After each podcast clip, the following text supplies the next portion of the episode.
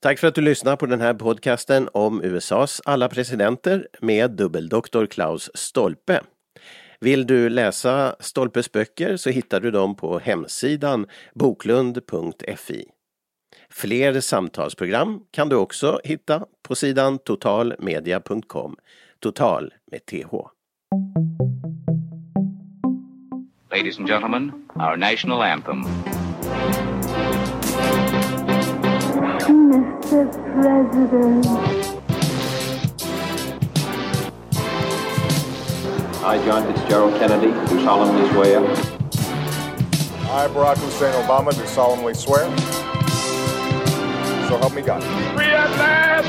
Free at last! Thank God Almighty!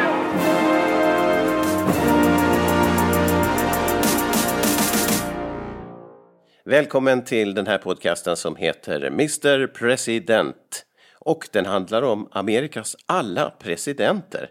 Och nu har vi kommit ganska långt, tycker vi själva, nämligen till nummer 19. Det är Rutherford B. Hayes som vi ska prata om idag. Och med oss, eh, det är som vanligt dubbeldoktor Klaus Stolpe. Välkommen med! Ja, tusen tack, tusen tack. Hur har din bil mått sen vi senast så hördes? För då var vi ju och gjorde hela podcasten i bilen. Ja, no, det, jag åkte till södra Finland sen. Uh, Med den? med den, jo, jo. Den, Oj. Jo, jag var ute i Dalarna i somras så att här, här Ja. rullar det på. Så att, eh, ja, men det ska vi säga, med en, med en äldre amerikansk bil så jämfört med andra gamla bilar så det är ju liksom ganska stor mo, kraftig motor och stor motor och sånt så att de är ju inte uppnötta på samma sätt som en, jag menar en motsvarande av någon mindre europeisk bil eller något sånt.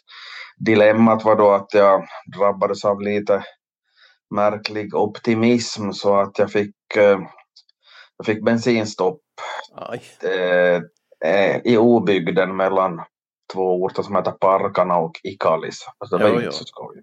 Just det där är det lite besvärligt också. Ja, no, precis alltså. Det, jag tycker om man kommer söderut så brukar det vara mera tättbefolkat men det var 11 kilometer till närmaste mack visade sig men det var någon vänlig dam som assisterade så eller självfallet borde jag tanka tidigare men jag tänkte att nej, nej, tyckte det gick så bra så att jag tänkte att jag kör lite mer tills jag närmar mig Tammerfors. Jag gjorde en missbedömning helt enkelt. Och till saken hör den där bilen drar ju inte speciellt mycket på, på landsväg tvärt emot vad folk skulle kunna tro. Så att det var ju inte liksom det heller utan det var, det var nog mitt eget slarv till, alltså från början till slut naturligtvis. Ja, okej. Men den, den är otroligt eh, angenäm att åka i, eh, tycker man ju. De, den har ju med sig det där typiskt lite skeppkänslan som amerikanare har, fast den ju inte är så gammal. 95 var det ju. Eh, Men, och sen motorsurret. Jag vet inte om ni som lyssnar på podcasten med det här kanske inte upplever det som så harmoniskt, men det är väldigt trevligt motorljud också. Ja, det bullrar ju väl sådär trevligt, trevligt och angenämt på något sätt. Så att, Så det måste, ja, det måste vara roligt att på så vis köra den ändå. Köra jo, den. jo, jo, jo, jo. Ja, så länge det finns bensin. Ja, ja, precis. Det är en förutsättning många gånger för det där. Sen så kom vi faktiskt eh, att ha lite kontakt här för innan inspelningen och eh, vi talade ju om Grant sist. Och det här, eh, ja, jag vet inte om jag uttryckte lite en beundran för hans karaktär utan att veta mera.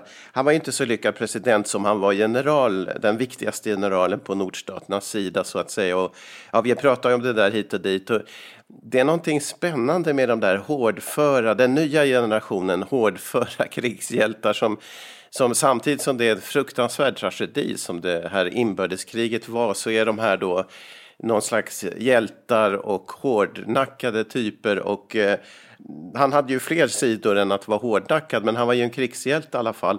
Och då kom vi på att prata om en annan krigshjälte som inte blev president, men han, han var, mm, efter Grant, när Grant blev president vad jag först år så var han ju, eh, alltså Grant var först eh, commander in chief för USAs armé och förstås, och sen efter det så kom den här Sherman dit som, som eh, sådan, han efterträdde honom då som, som sån här, och det var en verklig krigshjälte alltså, det var en tuffing, en indiankrigare, eller hur? Ja, alltså det var en väldigt hårdför typ att det är han som man associerar med, med sån här att Atlanta brändes ner helt och hållet och, sånt. Att det, var, liksom, det, var en, det var inte bara den själva de här slagfälten utan det var det att man skulle åstadkomma en krigströtthet i södern genom att helt enkelt bränna ner och ha sig och sånt. Så att det var det, var det här väldigt, väldigt brutalt och, eh, och det här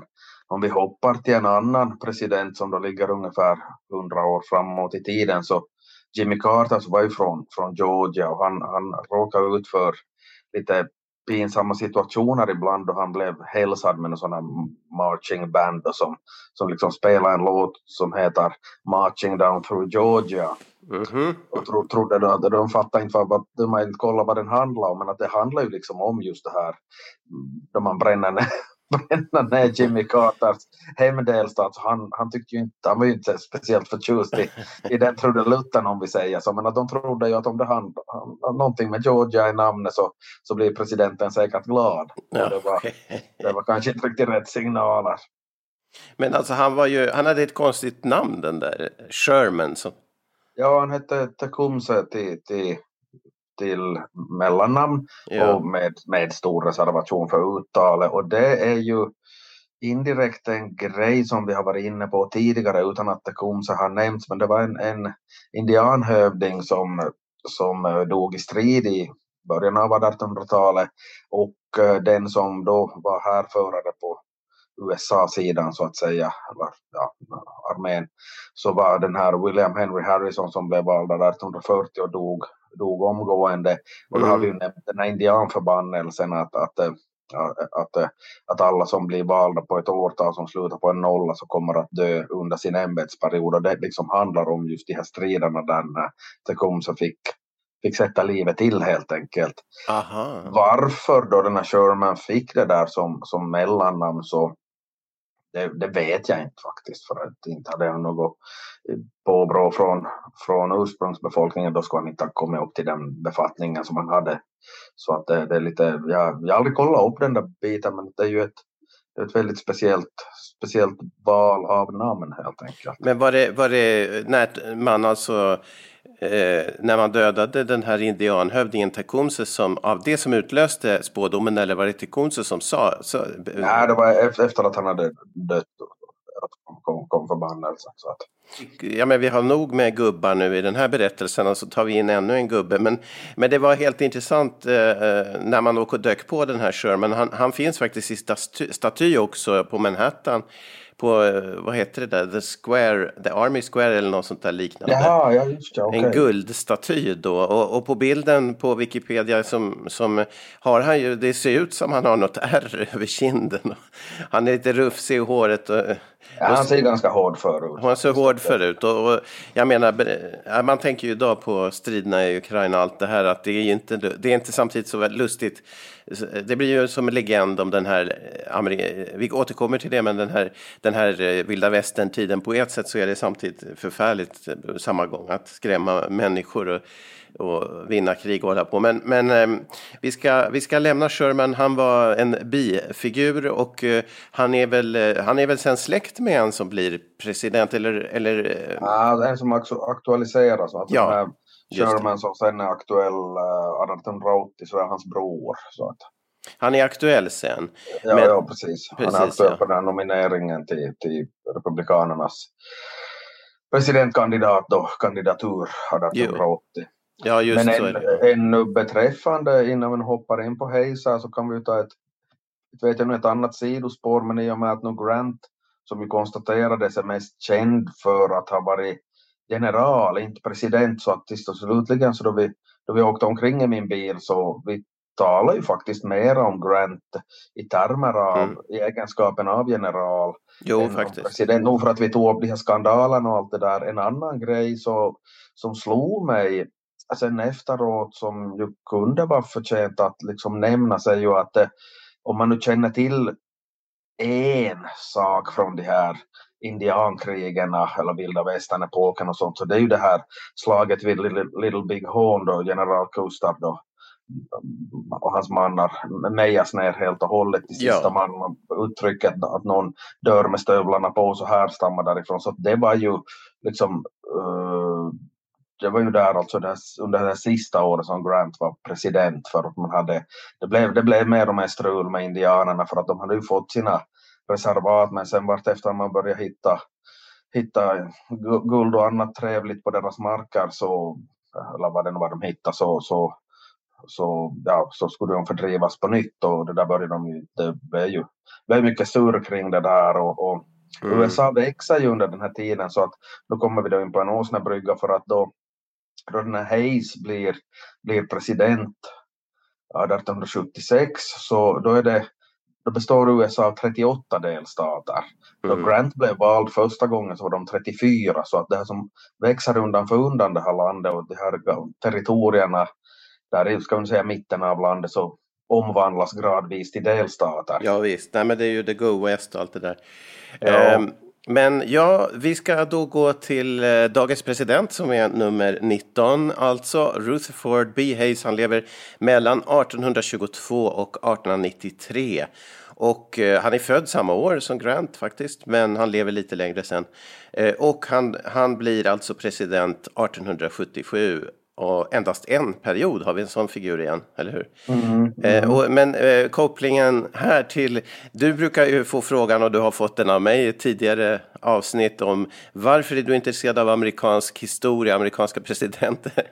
Och då har du ett standardsvar som aktualiseras både med tanke på vilda västern, romantiken och din egen eh, barndom faktiskt. Så vad, vad är det? Ja, ja, jag brukar skylla på Lucky Luke för att när jag var liten så tyckte jag mer om eh, om det här eh, Lucky Luke de här Tintin och Asterix och vad som nu fanns, även om jag också tyckt, tyckt väldigt mycket om dem. Och, eh, och där så kom man ju in i något skede ganska tidigt. Eh, jag tyckte om historia i skolan också så att, att då insåg jag ganska tidigt att en stor del av de här figurerna som, som finns i de här böckerna så, är, så har funnits på riktigt. Alltså de här, jag tänker främst på de här mm, ja, bank, bankrånarna och tågrånen Jesse James och Billy the Kid och, och, och vad de nu heter. Och, eh, och faktiskt bara här om året så noterar jag att, att eh, Rutherford B. Hayes är huvudperson i ett, av, i ett album, men det är något sånt som kom, kom efter att, att jag har slutat läsa och det var inte det, vid det laget var det inte de här samma som, som ritar och hittar på äventyren mera. Så att eh, men att det, han är faktiskt huvudperson i ett, i ett avsnitt som bygger på en verklig händelse märk väl därför att Rutherford B. Hayes så, så företog en tripp liksom västerut ut i, ut till Stilla havskusten och så vidare i verkligheten. Men då i, i, i vad heter det, i vad heter serieteckningarnas värld så, så är det alltså Lucky Luke som är hans liksom livvakt och guide och följeslagare på den där, på, på den där resan. Uh, The Man from Washington heter det där albumet och pärmen pryds av att Lucky Luke och Hayes och hans och Jolly Jumper, alltså Lucky Lukes häst, står står och, och räcker upp händerna för att de blir, blir eller hotade av några beväpnade män. Uh, eh, mannen från Washington skulle den kunna heta på svenska men att jag tror att den eh, jag tror att den aldrig har blivit översatt, att den, för, för jag har bara sett den på, på, på det här en engelska och det, det råkar sig också för att det var faktiskt eh, min, en av mina kollegor vid Åbo Akademi så är, är gift med en som är väldigt intresserad av allt som har med litteratur att göra så han, han hade den boken så jag fick, jag fick, jag fick ja, låna den. Okay.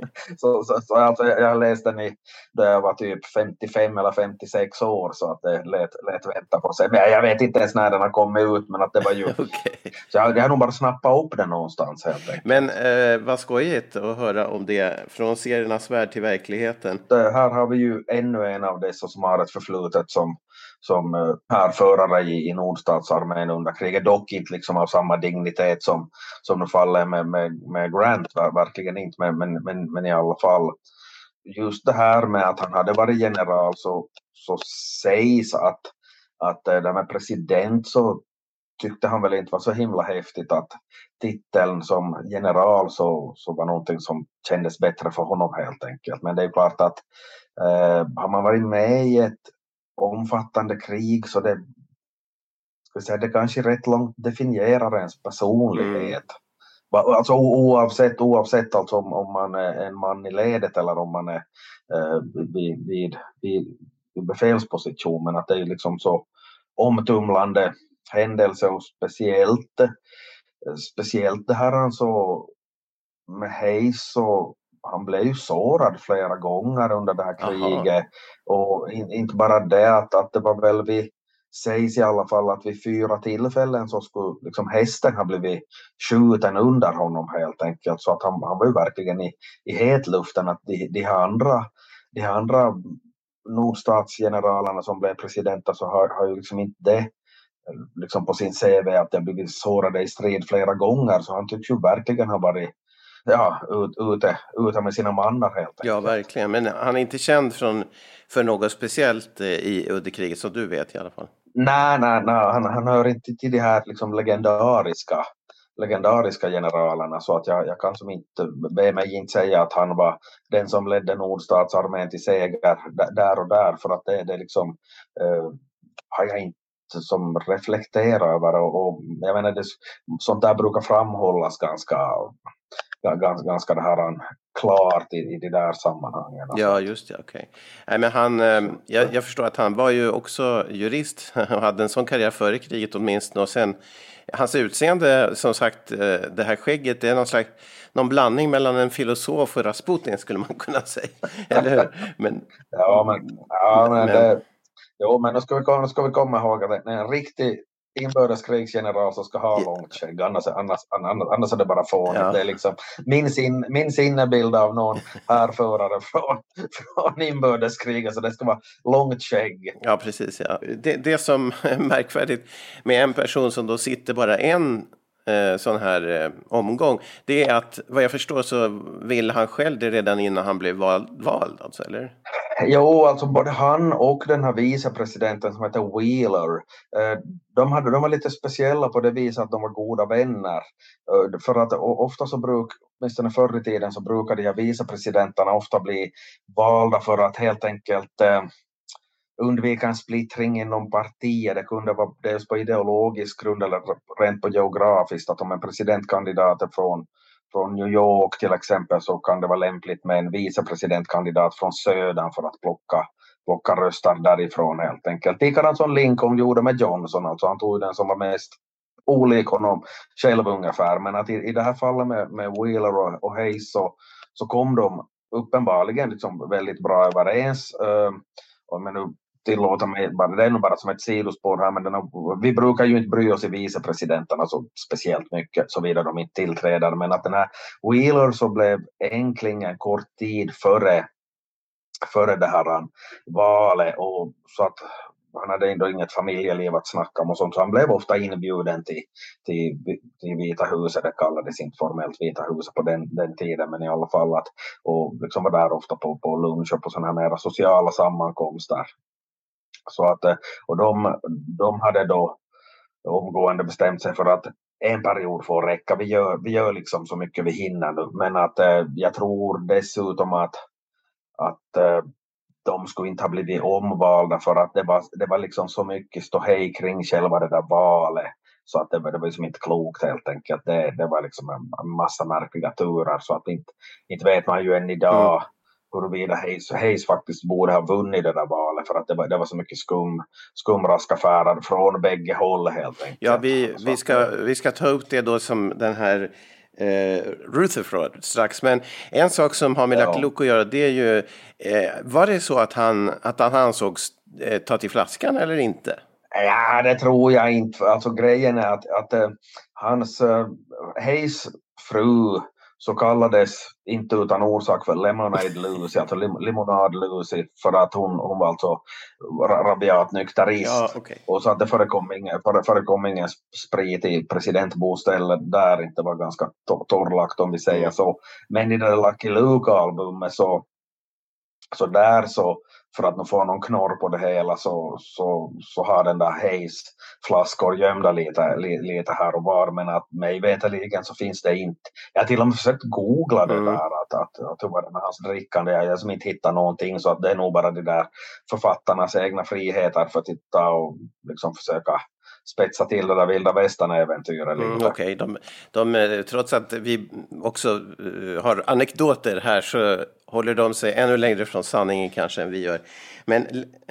Så, verk, så verkar det för att jag, jag har nog inte sett någon sådana belägg, belägg för, det, för, för det hela. Men den där, uh, alltså som du sa, Lem Lemonade Lucy, det är alltså the first first lady, är det inte? Ja, alltså det är hans... Jo, jo, jo precis. Att det, är ju, det, är ju, det är ju helt enkelt fru, fru Hayes som, som såg till att det var torrlagt i presidentbostaden. Men varför hon var först first lady? För det har ju varit massa first lady före för henne, men hon är first, first lady. Ja, den där, liksom den där, den där benämningen så, så kom inte i bruk och, och varför, varför den kom i bruk just med henne så, så vet jag inte att det kan, alltså det, det kan ju det räcka med att det har stått i någon tidningsrubrik eller no, någonting sånt och hade, hade fastnat för att det, det, det är ju mycket sånt att sådana här olika begrepp så kanske man inte vet bakgrunden till nöd, nödvändigtvis. Mm, nej, nej. nej, men eh, helt eh, en milstolpe på sätt och vis i den här utvecklingen av hela den här presidentgrejen. Men okej, okay, det här med Fraud och Rutherford, berätta, vad är bakgrunden och vad var det som hände egentligen? Ja, alltså grejen var att på den här tiden så var ju Demokraterna fortsättningsvis väldigt, väldigt försvagade och, och de dominerar ju då väldigt starkt i sydstaterna. Men det räckte ju inte även om man vann i varenda sydstat. Så att strategin från Demokraternas sida så var ju att, att nominera någon som kunde vinna helst i New York som var den där största delstaten, överlägset största delstaten om jag minns rätt, plus södern för att då skulle man få tillräckligt många många elektorsröster så att södern plus New York så var mer än hälften helt enkelt. Och nu då så hade man en, en sån här eh, kille som hette Samuel Tilden som var ganska hård för jurist som hade satt åt korruptionen uppe i, uppe i det här uppe i norr. Eh, så att eh, och då, då gick det vägen trodde man för att eh, då man, man man hade kommit så långt i rösträkningen så man hade räknat allt utom tre sydstater. Och, och det var på det viset då att, att i det skedet så, så tänkte man att nå till den har ju vunnit i allihopa. Så att, uh, han, han, blir ju, alltså att han, han blir ju säkert, att det skulle räcka med att han skulle att han skulle ha vunnit en av de där. Och för Hayes vidkommande så var det så att, att om han skulle ha vunnit alla tre av de där så skulle han ha en knapp majoritet av elektorsrösterna. Men sannolikheten var ju ganska liten eftersom Tilden hade vunnit alla andra sydstater. Mm. Så att Hayes, Hayes hade ju redan konstaterat att han var besegrad men så hans medhjälpare sagt att nej men gå inte ut med någonting dumt här nu att vi, vi, vi väntar och ser och så surprise surprise då så, så vinner Hayes i alla dessa tre delstater och mycket tyder ju då på att det var falska röster i, i omlopp och sånt. Mm -hmm. Det var ju inte lika lätt att kontrollera sånt där som idag. Men samtidigt så ska man, så det är ju bara ena, ena delen av sanningen för om vi ser på vad det var många färgade som ju rimligtvis skulle ha röstat på republikanen, alltså Hayes, mm. som inte vågar gå och rösta för att det var så pass mycket våld, våld nere i södern gentemot färgade så att, eh, så att det liksom eh, hur det skulle ha gått ifall, ifall valet skulle ha gått skjuts till från bägge sidor så det, det är ju någonting som vi som vi inte kan veta helt mm. enkelt. Men att det, det, slut, det slutar med att, att eh, att Hayes får, får det här mer, äh, fler elektorsröster än till den, men att ännu i det skede som han tar plats på tåget och åker iväg till Washington DC så är han inte helt säker på att han ska få, få helt enkelt få, få vad, vad heter det, svära presidenteden mm -hmm. för att, att, att det kommer att bli något fortsatt bråk om det och sånt men att det blir ju då en, en väldigt tragisk Eh, kompromiss av det hela för att, eh, som, som gör att demokraterna accepterar det där resultatet, det vill säga att den här så kallade rekonstruktionen av sydstaterna som har inneburit att sydstaterna långt har varit ett militärockuperat område var nordstaterna, som de federala trupperna bestämmer hur det ska vara, att man kommer överens att den här så kallade rekonstruktionen är över. Aha. De federala trupperna dras bort och det betyder i praktiken att de färgade lämnas åt sitt öde nere i södern och det blir, som blir ju en systematiskt förtryck för en lång tid framåt och rasismen finns ju kvar där fortsättningsvis. Så att det, det vill man nu uttrycka sig krasst så är det ju helt enkelt de färgade i södern som får betala priset för att, att partierna ska komma överens om att, eh, man, att Hej ska få vara president för de fyra närmaste åren. Men vem, när sker den där överenskommelsen? Eh, no, det är just under den här perioden mellan valet i november och eh, sen i alltså november 1876 och i, i mars 1877 för att på den, nu, nu för tiden så svär ju den nya presidenten sin presidented redan i, i, i januari men att på den tiden var det, var det i mars och det blir ju det blir ju väldigt stökigt under den där perioden. Det är väldigt turbulent och det är ett enda stort frågetecken. Mm. Och då är det så att, äh, att de, de här republikanerna och demokraterna så kontrollerar var sin kammare i kongressen. Ett, ena, ena partiet har kontroll över representanthuset och andra över senaten mm. så att det, där, där, där blir det ju inte heller någonting för att ja, de var och en håller på sitt mm. alternativ helt enkelt. Då tillsätter man en, en kommission eller kommitté beträffande för att reda ut vem som egentligen har vunnit. Och det är då 15 personer som sitter där. Det är sju demokrater, sju republikaner och sen en kille från högsta domstolen. Mm. No, surprise, surprise, så de där sju republikanerna så, så håller på hej så de där sju demokraterna på till den och sen så slutade väl då med 8-7 då men att, att i innan man går så långt så att man kommer fram till det där beslutet så, så det sker alltså på villkor att de här federala trupperna dras bort från sydstaterna helt enkelt. Och, ja, och så, sen så. Men, men det, brukar du räkna 1877 som det så att säga sista krigsåret då som du brukar säga att freden inte är för, eller var det något ja, annat årtal? Nej, egentligen inte. Alltså det, man kan ju tolka det där hur man vill, men klart att 1865 är ju det här sista krigsåret, mm. men den här rekonstruktionen som, som följer efteråt, mm. så att den, den, den tar slut då 1877 helt enkelt. Så att under, det är ju rätt lång tid faktiskt, ja. under 12 års tid så, så, så, så, så har man ju som inte riktigt kunnat reda ut hur man ska, hur man ska ja, organisera saker och ting och få, få något slut på de här motsättningarna. Uh, och det är ju någonting då som man, man kritiserar Grant för att han, han var för, liksom, ansågs för svag för att få någonting uträttat men att å andra sidan det blev ju inte bättre så som man löste det på att helt enkelt avbryta det rakt av. Mm. Nej men och, och, som vi pratade sist att det, det var ju en märklig situation då under de här åren när vissa stater inte ens var med i val för att de, de räknades jo, inte och sådana här grejer. Att det var ju väldigt undantagstillstånd. Men, men, men freden så att säga, 1877 så kan man säga då är kriget över. Alltså då är freden fullkomlig eller vad kan man säga det? Eller vilket datum, ja, när brukar du säga? No, jag brukar nog, ja, nej, alltså om vi talar om själva kriget så räknar jag nog som 1865 som slutet, för då, då slutar krigshändelserna mm. och, och det är klart vem som har vunnit, men att den här rekonstruktionen följer efteråt under 12 år, så det är ju som ett, ett, ett skilt kapitel sen eh, efter, efter inbördeskriget. Ja, ja, men efterdyning. Men eh, det här var tillbaks ja. till valet 1876 då.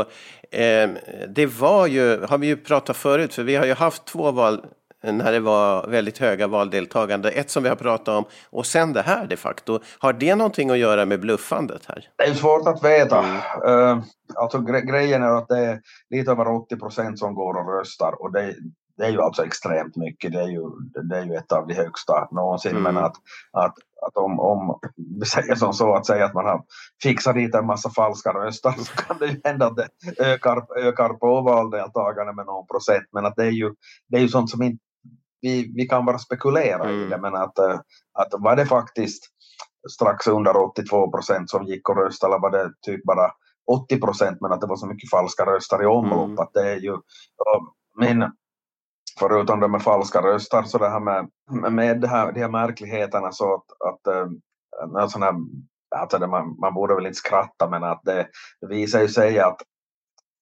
att eh, folk hade åkt ångbåt längs Mississippifloden och stigit av och röstat alltså där båten la till. Ja. Alltså, det är ganska, jag, jag menar, ibland hör vi talas om flytande röster men det är ju nog någonting annat än att de kommer med ångbåt längs Mississippifloden. och den la inte till bara på ett ställe utan? Nej, nej, nej, nej. Och sedan en annan, en annan grej som, som tydligen praktiserades var att det var ju de där valurnorna var ju låsta liksom med någon sorts sigill ovanpå. Men så var det på vissa håll så så var det ju tydligen så att man som slog ut bot, bottnarna ur de där valurnorna och fyllde på underifrån. Men, ja. Okej, det var ju... Ja, också... Så det, var ju, det var ju kreativt. Och jag menar om vi tänker oss att vi öppnar en, en, en, en, en uh, valurna och så, och så, så har vi räknat tre fjärdedelar av rösterna och det är ganska 50-50. Och sedan den alla de, de som är botten på valurnan så går alla till samma kandidat. så, det, är ju sig något märkligt om vi säger Ja, så. botten upp kan man säga.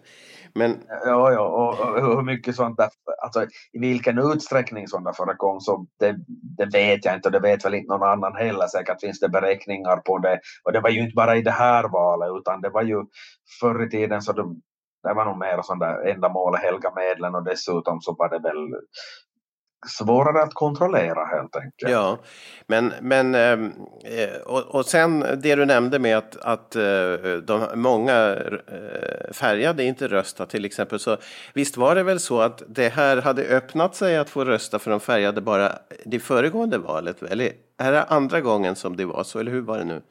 I alla tredje gången då. Det, att, det var valet de efter 68 Lincoln, eller var det hans första? Ja, ja, ja, ja så att, att de här valen som Grant var, var, var med i så, så fick de Båda dem? Fick, fick de, jag skulle säga det ja. Men, och, då, och då var det ju det här som vi pratade om med problemet om att, att det var eh, skrämseltaktik i södern och allt möjligt. eh, Man vågar inte gå, men det finns en ovana också.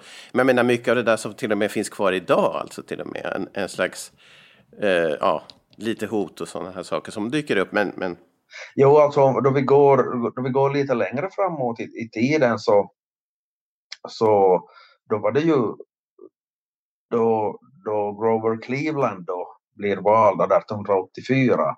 Han är då den första demokraten efter, efter inbördeskriget som vinner ett, ett, eh, ett, eh, presidentval och det, det hände sig alltså att, att en, jag menar det här är ju då nästan 20 år efter inbördeskriget och det alltså förekom att färgade sökte upp alltså sina gamla, sin gamla husbonde för att de trodde att, att slaveriet kommer att återinföras om en demokrat blir president. aha. Så att, att Cleveland fick ju gå ut och, och dementera det där, nej herregisses att, att så är det ju inte. Så, så, så, det är ju inte, så det är ju inte alls. Men beträffande det här, för att precisera lite de här, det här med, med de färgades möjligheter att delta så, så att den första färgade senatorn så kom från Mississippi av alla ställen Jaha. och det var, det var här 1870. Oj, så tidigt. ja. då, jo, jo, men märk väl, på den tiden var det ju inte folkval, utan det, folkval, folkval till senaten, utan det var de här delstatsförsamlingarna. Så att han blev ju ditplockad helt enkelt för att göra en markering att det är nya tider, att nu får ni banne mig ta, ta och acceptera att det är så här det ser ut. Ja, ja, det nämnde vi faktiskt i ett tidigare avsnitt. Ja. Att han, han Ja, det- det plockades gjorde- för att statuera ett Ja, exempel. han, han plockades så att, att, att, att, att han var helt enkelt då i, i 1870 så blev han, blev han ditsatt. Han var, han var bara ett år av någon anledning. Mm. Jag vet inte, jag, jag, jag minns inte, jag har aldrig tagit reda på, på varför. Det, det, är ju lätt att, men, men, att det, det sä- säger ju liksom en del att man, man plockar dit en sån där och sedan är han ett år och efterträds sedan av en, av en av han som hade varit guvernör i Mississippi, alltså en tidigare slavägare helt enkelt. Mm. Precis, ja men eh, den här, den här eh, liksom, det, har, det fastnade ändå i det där vita, vita maktens överhöghet i södra staterna. Och jag menar, fortsätter ju som vi säger till vår tid, 60-talet var en uppluckring men det finns ju även idag spår av det här faktiskt i politiken, kanske ännu mer under, under Trumps tid än det har varit före det. Men den här, eh, efter att de gjorde liksom upp om det här nu, rekonstruktionen är över, då kommer den här Mason-Dixon-linjen att nämnas igen. Vi måste åkalla vad det var för någon linje nu igen. Hördu, det är, det är helt enkelt så att eh, alltså Mason-Dixon-linjen brukar vara som benämning på, på den gränsen mellan södern, och- sydstaterna och nordstaterna. Men att det, den här benämningen kommer egentligen från, från en längre tillbaka i tiden då man i skulle nå i Pennsylvania och Maryland. Det är helt enkelt så att man, man är inte överens om var gränsen ska gå mellan de här områdena. Och då är det två brittiska geografer som får till, och nu heter Mason och Dixon, Jo, som, som helt enkelt fick i uppdrag att, att reda ut var vad som ska bli då en, en rättvis gräns mellan de här områdena. Men att det var alltså långt före långt, långt före inbördeskriget men att det, man brukar tala om Mason-Dixon-linjen. Mm. Men eh, just det, ja bra, då fick vi klart för oss det. Det var ju alltså redan 1760 eh, 60-talet kanske då, eh, när det där var. Men tillbaka till Hayes. Ja, eh, vi ska strax prata om hans betyg, men eh, några grejer eh, kring hans liksom moderna tiden. Han är med del av, vi pratade ju förut hur, hur man hade telegrafen som var viktig för Lincoln och sen hur den också togs in i Vita huset av Grant och sen andra sådana här eh, ny, nymodigheter som plockas in i Vita huset. På det temat så var, ju, var det åtminstone två saker som, som kom under Hayes tid, eller hur?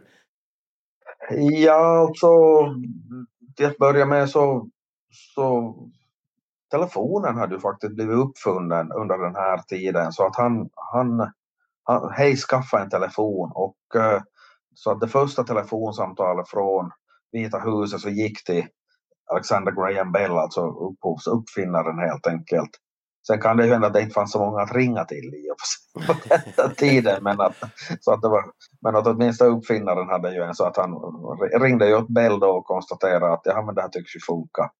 Så att eh, och sedan så någonting som är mindre spektakulärt men i och för sig också en, någon form av landvinning att, att eh, det gällde ju att hänga med i utvecklingen så de skaffade någonting så sensationellt som skrivmaskiner till Vita huset medan Hayes var där och tidigare har man skrivit för hand. Det skulle ju vara roligt att se en bild på de skrivmaskinerna, hur de såg ut. Ja, precis. Och de, de som skulle använda dem så... Jag menar, det fanns ju... Hur många var det som kunde använda en sån där speciellt rationellt? Utan man, det måste ju ta ganska länge. Men till att börja med ska man förklara åt folk. Vi säger att du anställer en sekreterare att ja, du ska använda det här. Och som förstår ju inte vad det är för någonting. Mm. Jo, men om du trycker, snälla vän, om du trycker där det står bokstaven A där så kommer det bokstaven A på det där pappret. Eh, jaha, men att ta den där rödluvan också liksom. det är ju, måste vara ett främ, främmande, främ, främmande eller, måste vara en väldigt förbryllande upplevelse för den som ska börja använda en sån där pryl. Ja, precis. Och du, ja, du kan se här, den här bilden. Nu, nu, är- nu, nu är jag ju inte, nu är jag ju inte rätt, rätt person att, att eh, göra narr av, av folk som, som, som inte, inte hänger med i utvecklingen för att nu snackar vi 2020-talet. Jag är ju fortsättningsvis fascinerad att, av, av en sån sak som att en faxmaskin har kunnat fungera eller någonting så. I alla fall, men, men eh, helt intressant. Vi kan ju tycka att skrivmaskin är lite gammaldags, så det ligger väl i den tiden. Men det var faktiskt nytt då och eh, liksom, liksom eh, som du säger, telefonen. Sådana här saker som, som vi egentligen pysslar med dagligdags. Datorer och, och telefoner är ju det som vi gör egentligen i vårt, våra liv. Eh, på sätt, mer eller mindre. Men ehm, ja, men Hayes, ehm, vad får Hayes för betyg i ditt? Var, var ligger han i undersökningarna? Inte, inte i toppen vet vi. Nej, alltså han, han hamnar ju, ligger ju ganska risigt till för att det är ju en, det är ju det att, att om man nu mäter in sådana saker som popularitet och huruvida man förstärker presidentämbetet och sånt, så det är klart att där är han ju dömd på förhand redan på det sätt genom vilket han blev vald. Så att, att han är ju, att han, han ställer ju inte till någon, Mm. någon sån här liksom, jättekatastrofer eller något nå, nå, nå sånt. Men att, eh, att hela det här, gärna förutom, för, förutom den situationen för de färgade i södern, men att det, det är liksom inte han som tar beslut om det, utan det är ju det är någon som, de som del, delar i bakgrunden. Mm. Men att det, det är ju definitivt inte någon sån här president som är legendarisk av något slag eller sånt. För att det, det här sättet han väljs på så styr på något vis hans verksamhetsförutsättningar. Ja, just det. Mm. På på samma sätt som den här John Quincy Adams som vi har talat om då som ett drygt halvsekel tidigare som, som blir vald under uppseendeväckande former och, och det är ju svårt att svårt att eh, här, vinna folks förtroende då ifall det är många som upplever att det är något, ligger något lurt bakom helt enkelt. Ja, ja, precis. Så, han, så hela perioden överskuggas av det där kanske fraud, fuskvalet och även så hans poäng dalar för det. Och sen när- han gör ingenting för att motverka det riktigt under sin period. Så. Nej, nej egent- egentligen inte. Och, och, han inser väl det där själv också i och med att det är ganska, ganska omgående så, så är han och vicepresidenten överens om att vi, vi är här fyra år och that's it. Mm. Ja, intressant eh, insikt faktiskt. Bara det tycker jag är en poäng för en makthavare att inse sin, sin begränsade tid i rampljuset ändå. Men Ja. ja. ja, en general som inte heller blev så lyckad president eh, och inte så där väldigt känd för oss alla. Och nu kommer det två, inom en lopp, eh, snabbare tid nu, inom loppet av några år kommer det två stycken presidenter som vi inte känner någonting till.